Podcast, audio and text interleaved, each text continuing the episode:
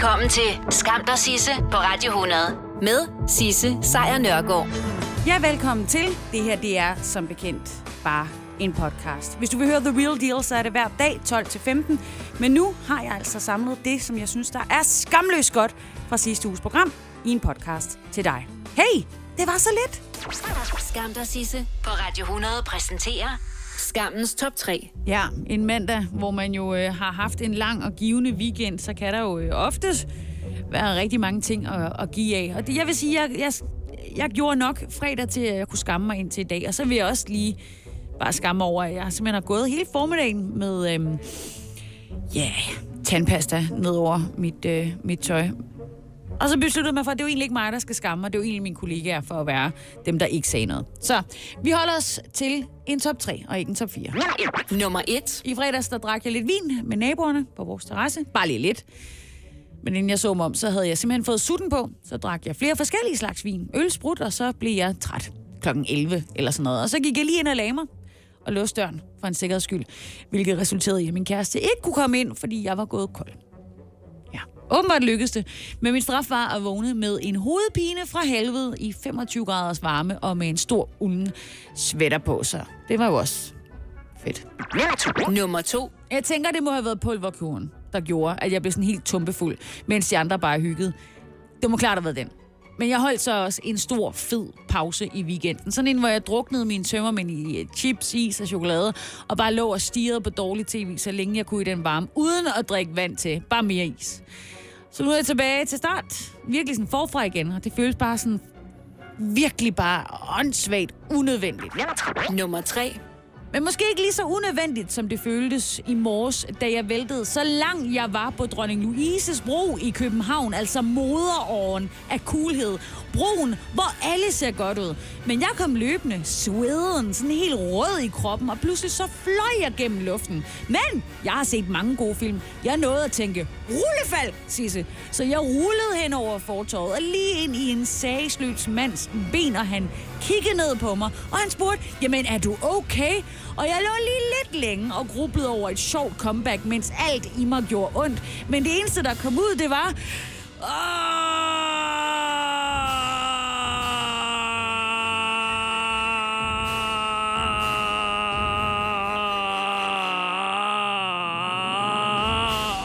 Tror du nogen så det? Skam der Sisse på Radio 100 præsenterer Det fangede du ikke over frokosten. Nope, det gjorde du garanteret ikke, og det er okay. Det er mandag, og det er lidt op ad bakke, og det er meget, meget varmt. Men så er det jo godt, at Cecilie hun har fanget alt det, der var værd at fange. Og i dag, der har du fanget noget helt specifikt til os. Er det ikke rigtigt? Præcis. Jeg har nemlig kun én historie med i dag, men jeg synes simpelthen, den er så spændende, at øh, den er værd at udfolde. Ja.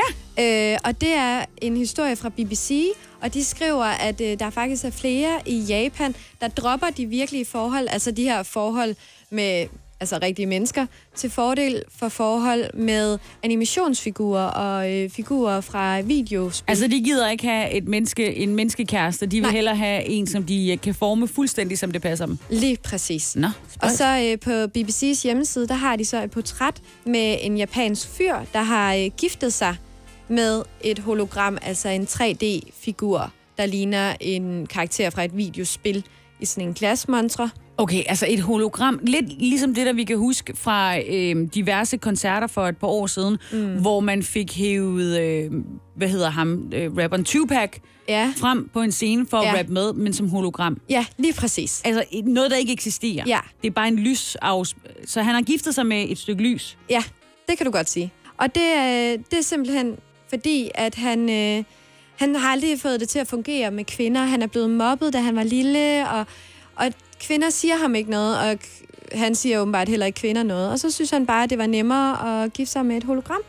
Det, okay. Ja. Ja. Og at han er åbenbart ikke den eneste, fordi producenterne bag øh, det her hologram, som han har giftet sig med, de siger, at øh, bare det her år, så er der, har de udskrevet 3.700 ægteskabserklæringer. Det vil sige, at der er 3.700 japanere, der har giftet sig med et hologram. Det, jeg begriber år. simpelthen ikke. Så, hvordan finder man så ud af, hvem man er gift med? Altså, laver man så en eller anden form for figur, som man synes, det tiltaler mig? Ja. Og så bruger man resten af sit liv på ikke at røre det her, men bare kigge på det? Ja, men øh, de her øh, figurer, de kommer i flere former, så han har både figuren i den her øh, som et hologram, men han har det også som en bamse, som han kan tage med i sengen Iu. og kramme med og putte med.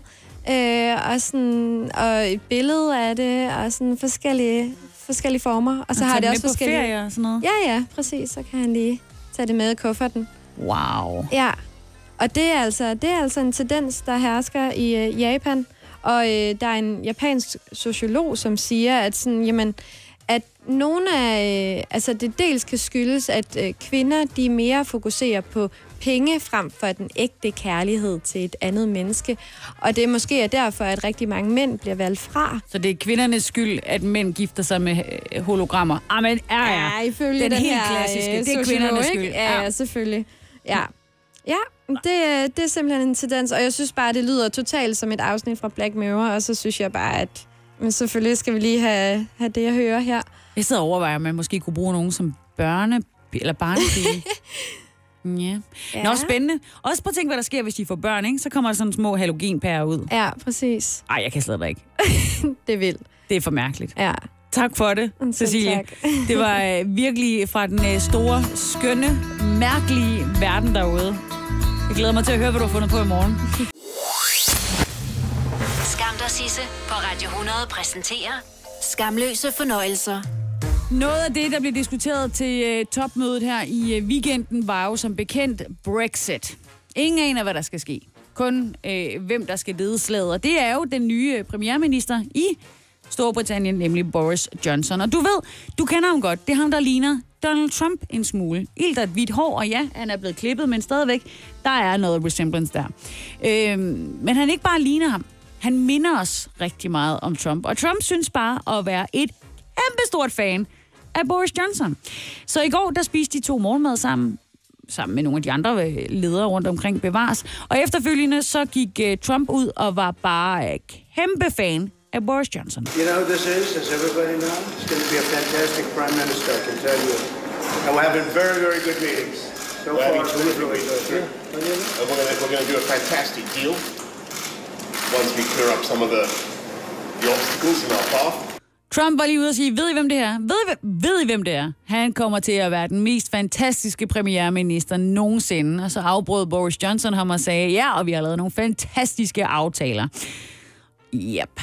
Det er jo meget betryggende, især for alle de britter, der lige nu ikke ved, hvad der er op og ned her om ganske kort tid, når EU er en saga blot for britterne.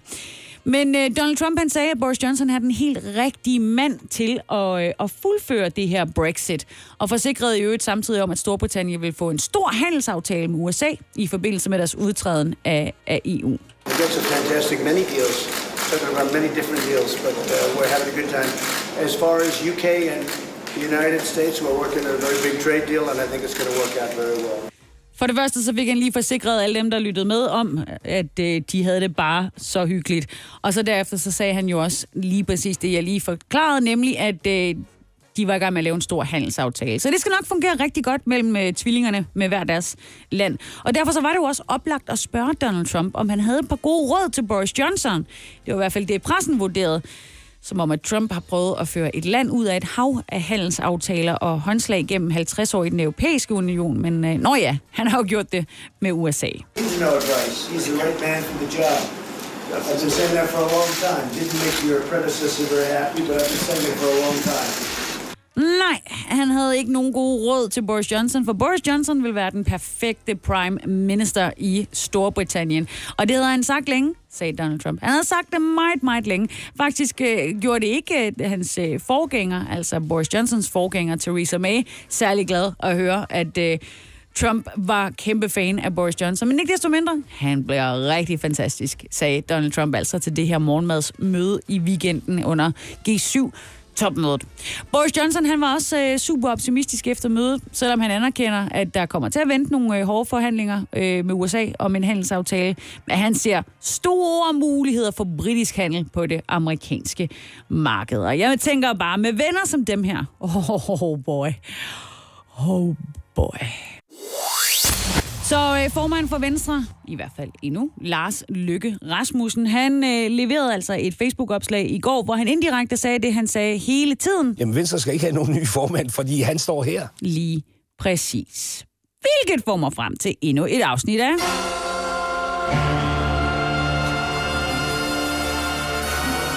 Yep, så er vi i gang igen i følgetongen omkring Venstre. Fordi hvem skal lede det største borgerlige parti i Danmark? Lars Lykke. Han ved godt, hvem det skal være. Det skal nemlig være Lars Lykke. Og hvem skal så være næstformand? Ja, yeah, whatever. Christian Jensen, han hænger der jo alligevel, og nu har han jo sagt undskyld, så må ikke det går. Og derfor så gjorde han det, som er det eneste rigtige at gøre i den situation, han netop er fanget i, nemlig at tage hornen hornene ved tyren, eller tyren ved hornene, det er det, man siger. Og så stillede han sig frem på Facebook og sagde, I kan bare prøve. Jeg stiller op. Jeg har gjort alt det her. Jeg har været øh, statsministeren. Jeg har nærmest kureret kraft. Det er for godt, det jeg har haft gang i. Og så våger I at udfordre mig. Men fint, fint, fint, fint, fint, fint, fint. Fint! Så siger vi det. Så han stiller sig op og siger, jeg skal nok tage nøglerne til det her. I skal bare stille dem op. I gerne vil have stillet op. Så et landsmøde inden 1. oktober er nok højst sandsynligt under optegning. Men nu hvor der har været så mange ud at sige, at Lars Løkke og Christian Jensen bør smutte, så har der til gengæld været meget få. Jamen, der har faktisk været ingen overhovedet, der har sagt, jeg overtager. Fordi opbakningen er der ikke. Den er der ikke til Lykke, men den er der heller ikke til nogen andre kandidater end Lykke. Lige nu der er det sådan, at øh, dem, der allerede er i Folketinget, det er for eksempel øh, Christian Lillehold, Ulle Tørnes, øh, Jakob Ellemann Jensen, altså manden, som rigtig mange i baglandet faktisk havde håbet på, ville stille op til formand. De bakker Lars Lykke op. Det er Lykke, der er deres formand. Og i weekenden, der skrev Jakob Ellemann, at han hverken stiller op til formand eller til næstformand, ligesom han bakker dem, der allerede er på de poster, op. Så glem ham Internt i Venstre, der ser flere og flere jo rigtig gerne, at Jakob Ellemann Jensen han var et oplagt bud på en ny formand for partiet. Han har ikke været fedtet ind i alle de her magtkampe. Han har ikke vrøvlet rundt om noget SV-regering eller skældt ud på chefen. Og vurderingen er, at han altså kan appellere til vælgere i de store byer, hvor Venstre har problemer med at tiltrække øh, vælgere. Og til gengæld, så har han jo ikke den samme appel i, lad os nu sige, det jyske bagland, men der vil det for eksempel være meget smart at alliere sig med en næstformand fra Jylland.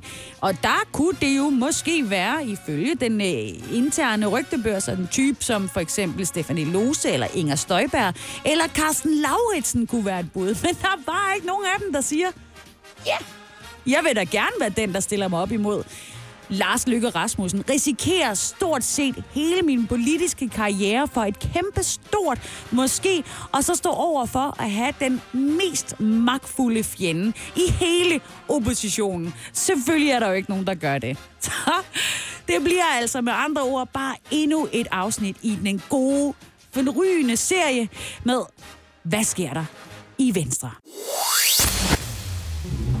Skam dig, Sisse, på Radio 100 præsenterer Skamløse fornøjelser.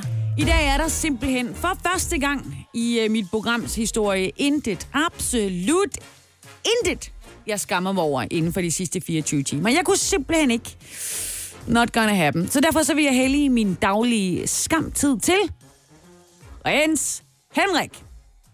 Ja, altså han, han opdager det nok ikke, for han, han døde jo sidste år. Men nu er øh, kongehuset simpelthen kommet dertil, at de har besluttet sig for at sælge hans kunst, og vi kan alle købe det. Det er øh, prinsens jadekunst og afrikanske masker, som der er kommet under hammeren, og det er altså for første gang, at de overhovedet gør sådan noget i kongehuset. Så du kan altså købe voodoo-figurer, fabeldyr, faldersymboler fra Asien, der er masker, der er træfigurer fra Elfenbenskysten og nogle andre afrikanske lande, og det hele er mærket på bagsiden med H og en kongelig krone. Ja, fordi det var prins Henriks. Prins Henrik han var nemlig en ret stor samler, og øh, det kan man også se, hvis man ser den her samling af asiatisk og afrikansk kunsthåndværk, som altså øh, i dag bliver sat øh, under hammeren på Brun Rasmussen auktion. Man kan faktisk byde på intet mindre end 2500 forskellige slags effekter, som har fyldt reoler og været op på vægge og i skabe og i vindueskarmen på Amalienborg, Fredensborg og så også på det franske vinslot, som prinsen yndede at tage til, nemlig Chateau du Cay. Det er ikke, sådan, man siger det, men jeg, jeg kan ikke fransk. Sorry. Og øh, Ralf Lexners, som er afdelingsleder og vurderingssagkyndig i auktionshuset Brun Rasmussen, han siger, det er en imponerende samling. Fordi modsat mod andre samlere, så har prinsen jo ikke solgt ud undervejs. Der har jo været plads nok. Han har jo haft alle mulige slotte at stille de her ting på. Men øhm, Ja, og det er der så simpelthen derfor, at den her øh, samling er blevet så omfangsrig. Men du skal ikke tro, at, det, at så fordi den er så omfangsrig, at du så kan gøre et kup inden for for eksempel sjælden kunst, fordi det er det ikke. Det, der gør det her interessant, ifølge i hvert fald museumsinspektør ved Nationalmuseet, øh, Jesper Kurt Nielsen, øh, det er, at den netop har tilhørt prins Henrik. Altså, han har haft et andet syn på de her genstande, end dem i museumsbranchen vil have. Så han har samlet ind med nogle, øh, nogle andre strategier, hvor museet måske øh, køber ting, som er, øh, lad os sige, øh, sjældne, eller som er elgamle, eller ja, fortæller en anden historie. Så har prinsen simpelthen købt de ting, han synes, der var flotte. Og det er det, der gør den her samling interessant. Så i de sidste uger, der har altså været muligt at se genstandene på et eftersyn, og så her i dag, der vil man altså have mulighed for at kunne købe blandt altså frit valg blandt 2500 genstande, som du skal tænke på, at prins Henrik han har slæbt hjem fra diverse rejser. Så det er absolut et bud værd. Hjælp en, du holder af med at tage det første skridt til bedre hørelse. Få et gratis og uforpligtende hørebesøg af Audionovas mobile hørecenter. Så klarer vi det hele ved første besøg, tryk dig nemt i eget hjem. Bestil et gratis hørebesøg på audionova.dk eller ring 70 60 66 66. Skam dig, Sisse, på Radio 100 præsenterer dagens skamløse øjeblik.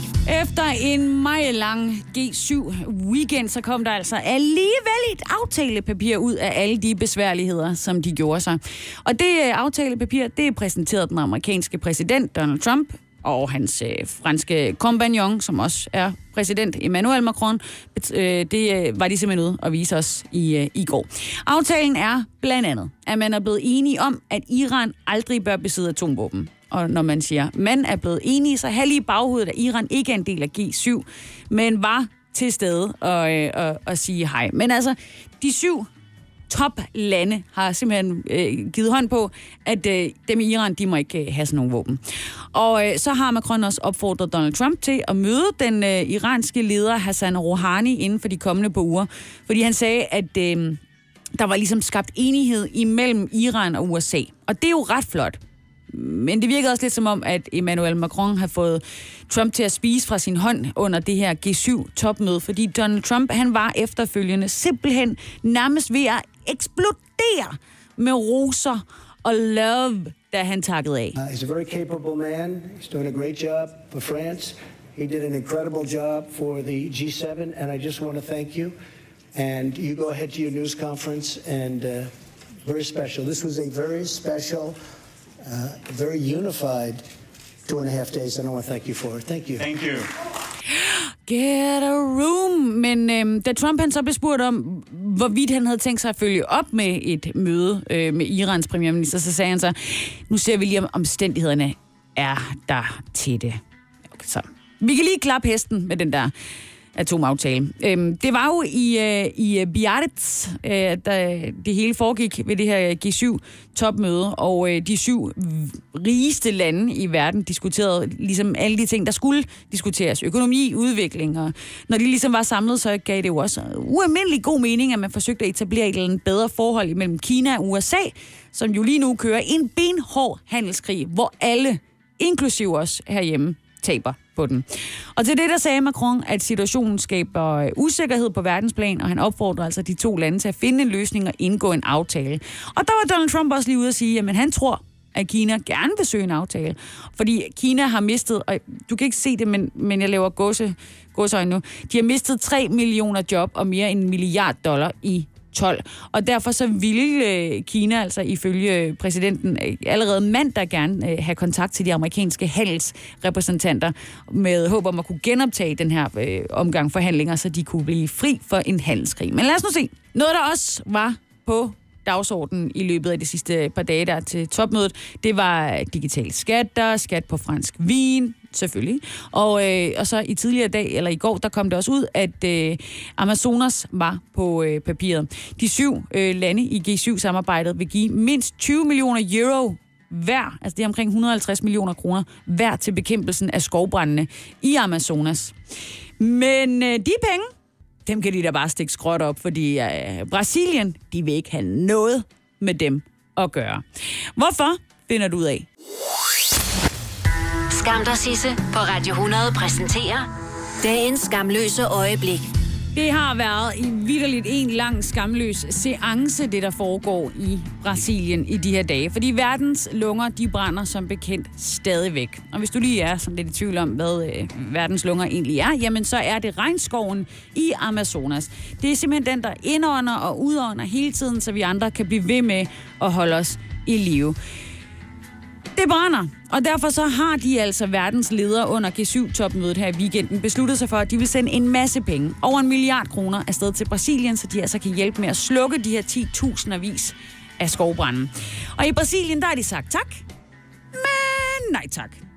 Onyx Lorenzoni, som er stabschef for Brasiliens præsident, han har sagt, øh, at de er meget taknemmelige for tilbuddet, men øh, de ressourcer er måske mere relevante for at beplante Europa med skov igen, i stedet for altså at kaste dem efter Brasilien. Det er altså sådan, at Brasiliens regering tidligere også har udtalt, at de ikke vil tage imod økonomisk støtte fra rige lande, fordi støtten den kommer nogle gange med betingelser, såsom at man kan følge med i, hvad støtten bliver brugt på, og det gider Brasilien ikke. Faktisk har den øh, brasilianske præsident været ude og kritisere lande, der har bidraget til den her brandslukning øh, økonomisk, og kaldt det for kolonialisme. Simpelthen det er øh, ifølge øh, Bolsonaro, Jair Bolsonaro, som er øh, præsidenten, så er det altså en slags kolo- kolonialist mentalitet, øh, når man vil øh, diskutere, hvordan øh, Amazonas øh, brænder på G7-topmødet, uden at man har altså inviteret øh, brasilianerne med, eller landene omkring Brasilien. Så derfor så gider de ikke tage imod pengene, og øh, det er jo frygteligt, fordi det er som bekendt en af de allerstørste katastrofer overhovedet, at Amazonas brænder, og at den her skovrydning foregår i så stor øh, stil, som den gør. Og det er jo det, der har været punkterne på, på dagsordenen i løbet af G7-topmødet. Øhm, de har altså besluttet sig for, at de vil sende de her penge afsted, og dem vil de så ikke have i Brasilien. Og selvfølgelig er det noget noget lort, sådan ret direkte sagt, at Brasilien ikke vil hjælpes. Men så er der jo også en mulighed for, at nu hvor man jo så kan se, at man kan stable så mange penge på benene hen over en weekend, syv øh, kæmpe lande imellem, at vi i Europa måske skulle se ind af og så overveje, om det er tid til at opkøbe vores eget land og blande skov igen. Tidligere i dag, der havde øh, vores praktikant Cecilia en historie med om, at landskabsarkitekterne herhjemme i Danmark siger, jamen altså, jo flere træer der er, jo nemmere er det at klare de her hedebølger, som vi har nu. Og vi ved jo, at træer ikke kun er godt for øjet, det er også godt for naturen. Omvendt er jo kun en milliard kroner, som G7-landene vil sende afsted. Bare en lille bitte milliard kroner. Og hvad kan man overhovedet udrette for det i dag? Når man bare kigger på, for eksempel, at den nedbrændte kirke i Paris, Notre Dame, jo på to-tre dage fik tilsendt 7 milliarder kroner, og den er, i hvert fald i min optik, stadigvæk bare en ruin. Det kan jo ikke handle om øh, brændende regnskov, det hele, og det er jo øh, knap nok sådan, at min sommerferie er overstået, før jeg begynder at drømme om at komme på en ny ferie. Og nu har jeg simpelthen lige fundet ud af, hvor min efterårsferie går hen. Og det er Tyskland. Tyskerne, de har øh, igennem øh, de seneste par år været i gang med en, en lang øh, farvelseance til et øh, national klenodie, om man vil, i deres madpyramide. Og det er ikke bare et klenodie, det er simpelthen selve essensen af god tysk mad. Fordi tyskerne, de er begyndt at sige oftere og oftere nej tak til en god bratwurst, altså en pølse. I midten af 1990'erne, det var dengang, jeg boede i Sønderjylland, og der kaldte man en øh, tysker for en pølsetysker, fordi de spiste mange pølser, ikke på grund af nogle andre ting. Øh, og der spiste en gennemsnitstysker omkring 68 kilo kød om året. Den seneste opgørelse fra det tyske fødevareministerium viser, at det tal er sunket til 60 kilo om året. Til sammenligning så spiser vi 52 kilo, så det er lige 8 kilo mindre. Det er stadigvæk for meget. Det er mere end dobbelt så meget, som lægen anbefaler. Men det er stadigvæk meget bemærkelsesværdigt i et, i et land, hvor folk faktisk har spist currywurst til morgenmad. Oveni så er antallet af tyskere, som spiser kød dagligt, faldet fra 34 procent i 16 til 28 procent i 19. Så pølserne er under pres. Virkelig. Og det synes altså at være sådan, at det fortsætter. Og konsekvenserne er for længst blevet meget, meget synlige for enhver tysker. Fordi i de her år, der lukker der faktisk i snit et tysk håndværksslagteri om dagen. Så bye bye bratwurst. Men der er en mand, der forsøger, og det er, har lavet en blændende reportage fra hans hotel og restaurant. Det er et, øh, et lille pølsehelle, hvor det eneste, der er på øh, hotellets øh, menu, det er Bratwurst. Das ist kein Restaurant hier, das Ding nennt sich Wurstaurant. Es gibt nur Bratwürste und das in allen Variationen, ganz klar. Yep, det er ikke en restaurant, det er en restaurant, så der er kun pølse på menuen. Det siger Claus Bøbel. Hans familie har øh, simpelthen øh, stillet øh, Rittersbak-borgernes sult i øh, tre generationer. Hvis du sidder og tænker, hvor er det, det er, så er det øh, næsten nede ved München. Han er altså øh, simpelthen en, en mand, som bare elsker pølse. Og han synes, det er så trist, at alt lukker ned omkring ham. Og han kunne altså godt lugte duften i slagteriet om, hvilken vej det vil gå. Så han forsøgte sig med først at producere et postkort med en vakuumpakket bratwurst, og bagefter så brød han en pølsetaxa, som sender kød ud med, til hele oplandet med øh, du øh, ringer, vi bringer mottoet. Og så sidste år, så satte han simpelthen bare pølsen på værket, rosinen i pølseenden, om man vil, øh, og slog øh, porten op til et, øh, et mindesmærke for, øh, for det her stykke kulturarv, som pølsen jo er. Han åbnede nemlig Tysklands første pølsesucces, skulle jeg til at sige, pølsehotel. Og det er en succes. Das ist bombastisch gut angenommen worden. Ich habe mittlerweile Gäste aus aller Welt im ersten halben Jahr schon. Ob aus Japan, aus äh, Nigeria, aus den USA. Og ja, jeg forventer ikke, du kan tysk lige nu, men jeg kan fortælle dig, at det er en bombastisk succes, og han har gæster fra hele verden. Og ja, nu kan han altså også regne med mig, for jeg skal have noget kød. Jeg har nemlig læst, at der er en planet B. What? Det er jo sådan, at mange af de øh, plakater, paroler, klimabanner, vi har set til demonstrationer rundt omkring, der står der for det meste, there is no planet B. Altså, der er ikke nogen planet B. Og det gør jo, at man tænker, what, så må jeg hellere redde den, vi har. Men, oh, oh, oh, oh, oh, oh. Forskere fra University of Chicago, de er nu ude og sige, at der er en planet B, og der er en planet C, og der er en planet D, og en planet E, og mange flere, end vi overhovedet har bogstaver til. Fordi et sted ude i universet, så eksisterer der faktisk planeter, som måske endda får livet på jorden til at blegne. De her planeter, de øh, bliver kaldet, øh, kaldt øh, exoplaneter. Og det er simpelthen nogle planeter, hvor der er godt med hav på, og det hav, der er der det, der hedder upwelling, som er en opadgående strøm, som sørger for, at næringsstoffer fra havets bund sendes op til overfladen. Og jadi, jadi, jeg kan fortælle alle mulige ting omkring de her ting. Det er planeter med oceaner, som har virkelig en god cirkulation. Endda måske endda en større cirkulation, end vi har på this old thing, som vi bor på, nemlig Jorden. Så de her exoplaneter, dem skulle der angiveligt være millioner af derude. Så forskere har ikke sådan fundet dem endnu bevares, men de har lavet computersimuleringer, og de viser, at derude, der er der masser af exoplaneter. Altså planeter, som du og jeg, vi kan bo på og ødelægge, præcis som vi har gjort med Jorden. De leder lige nu. De er ret sikre på at finde de her planeter. Og når forskerne leder efter liv i rummet, jamen, så bruger de sådan nogle gigateleskoper. De bliver sendt ud i rummet, og de kan så finde de her planeter. Så det regner de med, at de kan gøre inden for et par år. Men altså, inden for et par år, så har vi en helt ny planet at bo på. Hvis det ikke er en god nyhed, så ved jeg ikke, hvad det er. Exoplaneter. Vi finder dem lige om lidt. Og så kan vi bare ødelægge hele jorden en gang til. Det kan da nærmest ikke være en mere herlig, høj note at stoppe på. Men hvis det er, de ikke finder dem, så synes jeg bare, at vi skal prøve at lade være med at kvæle jorden, inden vi sådan for alvor har styr på, hvor vi skal hen. Men det er bare min måde at se det på.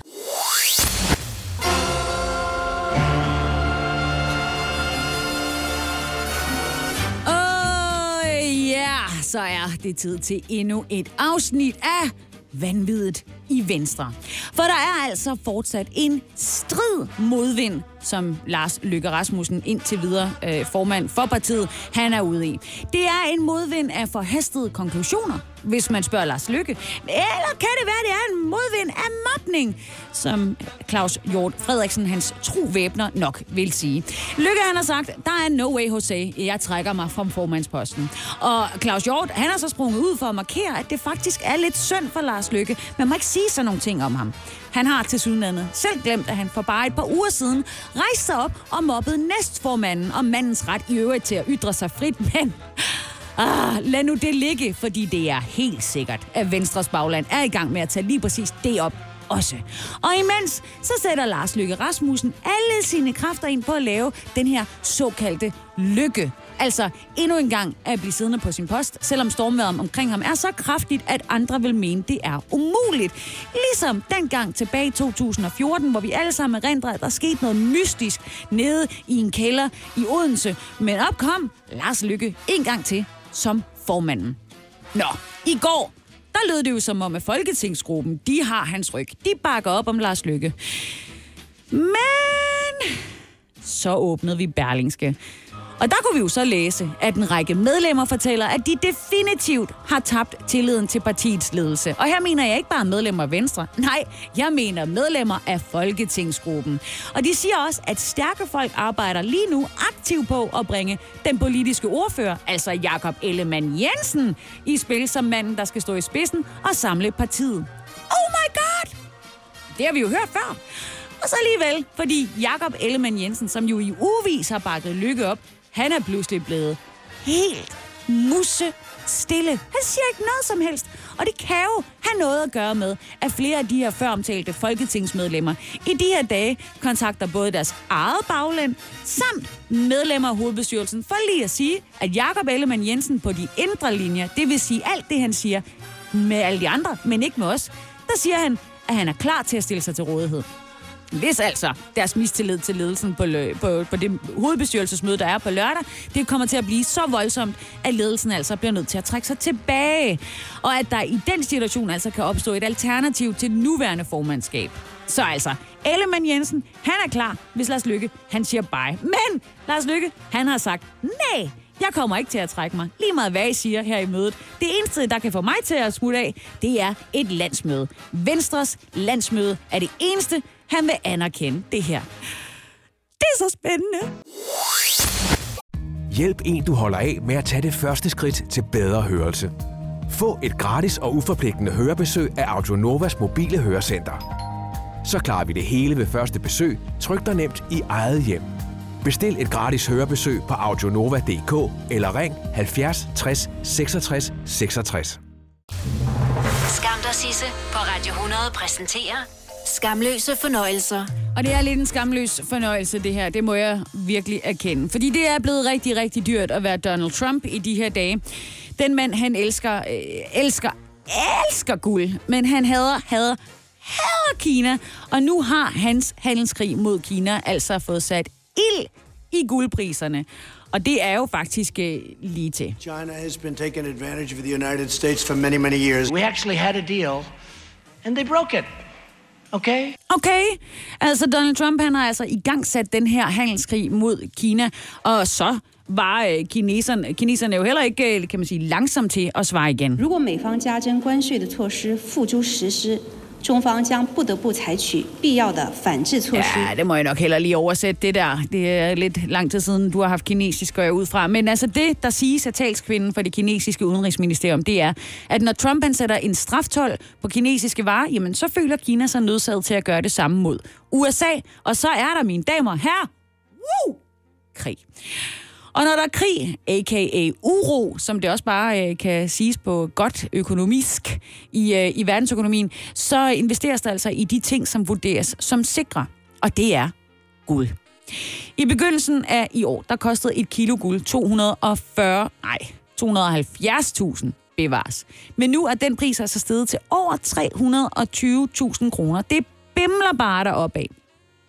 Her, der skal du altså lige høre Mia.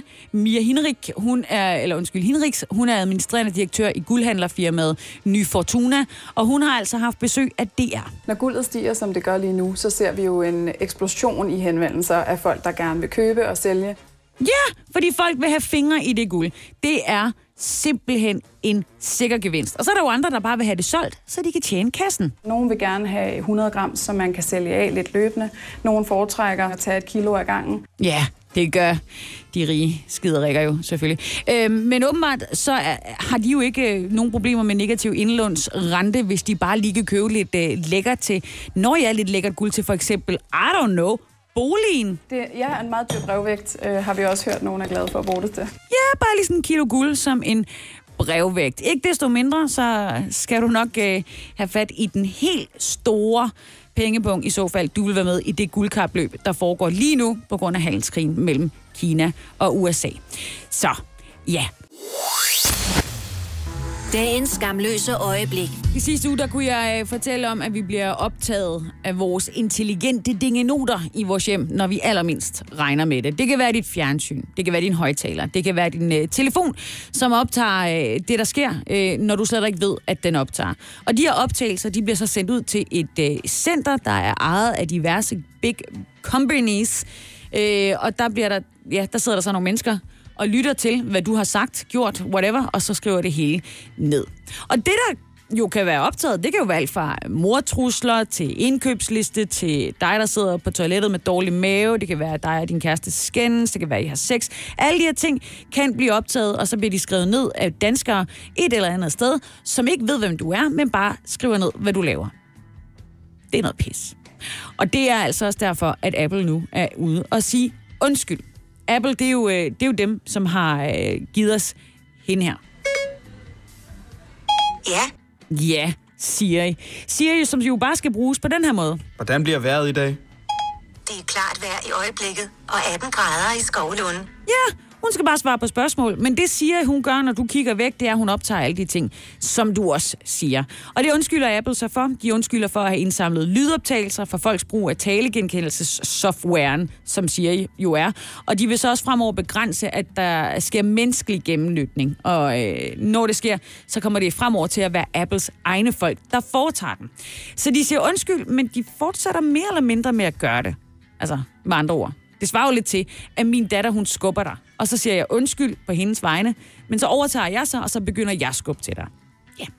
Men altså, ændringerne, de kommer efter, at øh, afsløringerne, de øh, kom ud her hen over øh, sommeren med, at øh, både øh, optagelser fra Apple, Siri og Googles øh, Assistant, de blev sendt til gennemlytning hos øh, eksterne firmaer, hvor der så sad danskere og, og lyttede til det. Og der har været alle mulige optagelser. Der har også været øh, narkohandler, der er blevet optaget.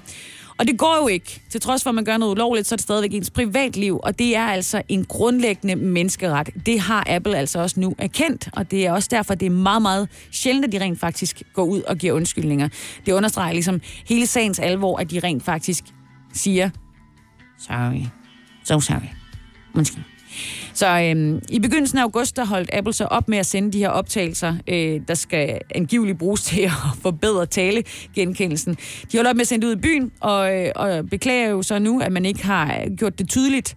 Men du kan faktisk også, og det er der, hvad mange eksperter opfordrer til, du kan faktisk gå ind i dine indstillinger på din telefon og din uh, tablet, og så kan du se, hvilke apps, der har adgang til at bruge den mikrofon, der er bygget ind. I hvert fald i, i iPhones, og, eller i smartphones, undskyld, og, og, og tablets.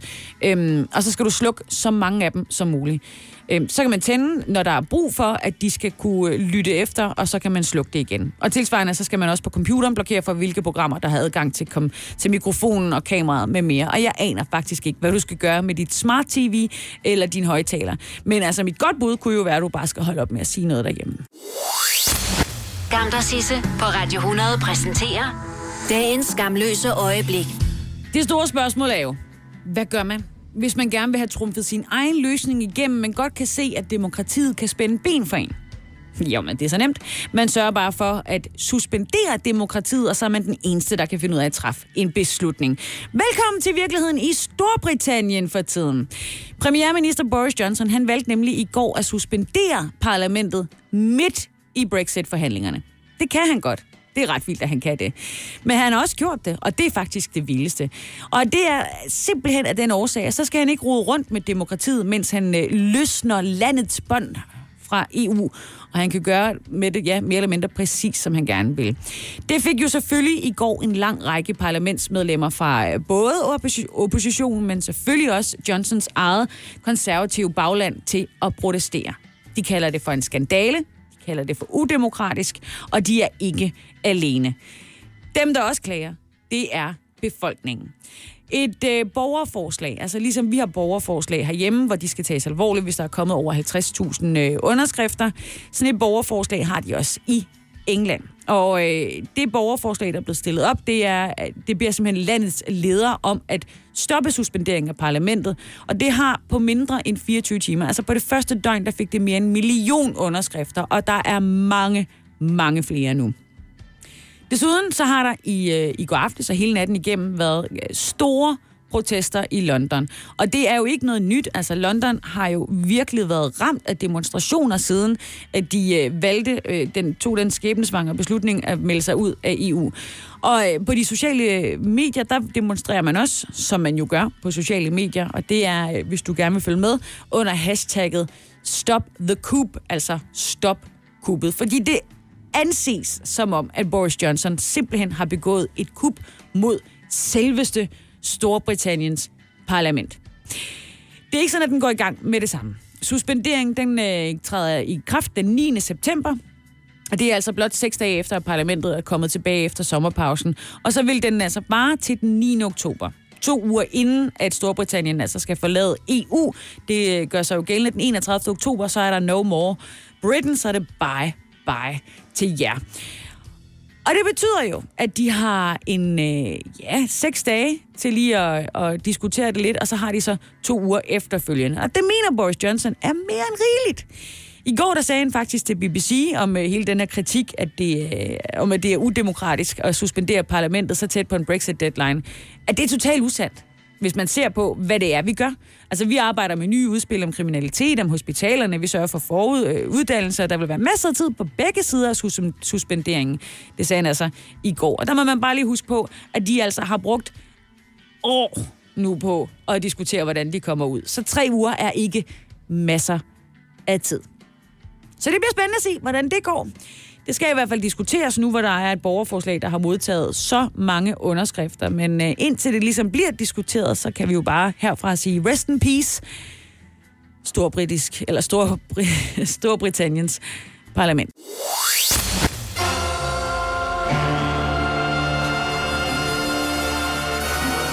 Og jeg bliver også nødt til at ruske i mig selv for at finde ud af, om jeg drømmer. I hvert fald velkommen til endnu et afsnit i Vanvids Venstre.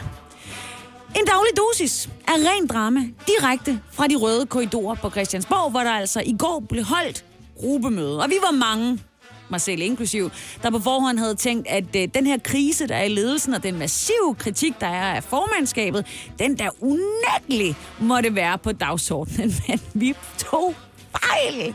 Ja, det bliver der ikke talt om. Altså alt det, som vi alle sammen taler om, nemlig om, om, om Lykke skal blive, eller om han skal forløses fra sin post. Nej, det var nemlig et helt andet drama, der var i sving i gruppemødet i går. Fordi der er nemlig enormt mange nye medlemmer i Venstre. Og noget så simpelt som lokalefordelingen har altså øh, for Venstres situation udviklet sig til at blive et stort problem for partiet internt. Det er jo godt, at man lige kan finde et fælles fodslag om, at noget er et problem, som man behøver overhovedet på ingen måde at snakke om den gigaelefant, der befinder sig i rummet. Men, som sagt, 10 nye folketingsmedlemmer har, øh, har gjort Venstres øh, gruppe i Folketinget så stor, at gruppemedlemmerne nu står til at blive fordelt over hele fire forskellige steder på Christiansborg. Det har ført til frustrationer, og de har været efter øh, gruppeformand Christian Jensen og i øvrigt den øvrige ledelse, hvor der er blevet givet udtryk for, at der er et A-hold og et B-hold blandt venstrepolitikerne. Også især fordi, at der har, de har været spredt over det hele, men også at Lars Lykke, han har insisteret på, at ansatte i Venstre Center for Kommunikation og Politik, altså deres pressefolk, de simpelthen bliver installeret i lokaler tæt på formandskontoret. Det vil sige, at de tager den plads, som rigtig mange af de her folketingsmedlemmer havde regnet med, at de skulle tage. De skulle sidde lige ved siden af formanden, så de kunne holde ham i ørerne, og de kunne hygge sig med ham, og de kunne møde ham ude ved vandfontænen, men det må de ikke. Og det gør jo bare, at der er endnu en sten i Lykkes efterhånden ret tunge sko. Oven i det, så er Folketingsgruppen altså også begyndt at smuldre for lykke, hvor der i øh, begyndelsen af ugen jo var masser af støtte, så er der bare efterhånden blevet stille. Og i aftes, der trak endnu et af Venstres folketingsmedlemmer, nemlig støtten. Det var indrigsordfører Annie Mathisen, og tidligere så var det jo Preben Bang Henriksen, Carsten Kismeier og Jakob Jensen, som har sagt, det kan godt være, at vi lige skal have udskiftet det her formandskab. Men så er der jo også dem, som ikke har sagt noget overhovedet. Og det ved vi godt. Det siger mere, end ord gør. Det er, og nu nævner jeg bare nogle af de allermest øh, succesrige af dem. Eva Kjær Hansen, Bertel Hårder, Christian Jensen, Carsten Lauritsen, Christian P. Lorentzen, Ellen Tran Nørby, Torsten Schack og ingen ringer end... Uh, Inger Støjberg. Skam dig, Sisse, på Radio 100. Med Sisse Sejr Nørgaard.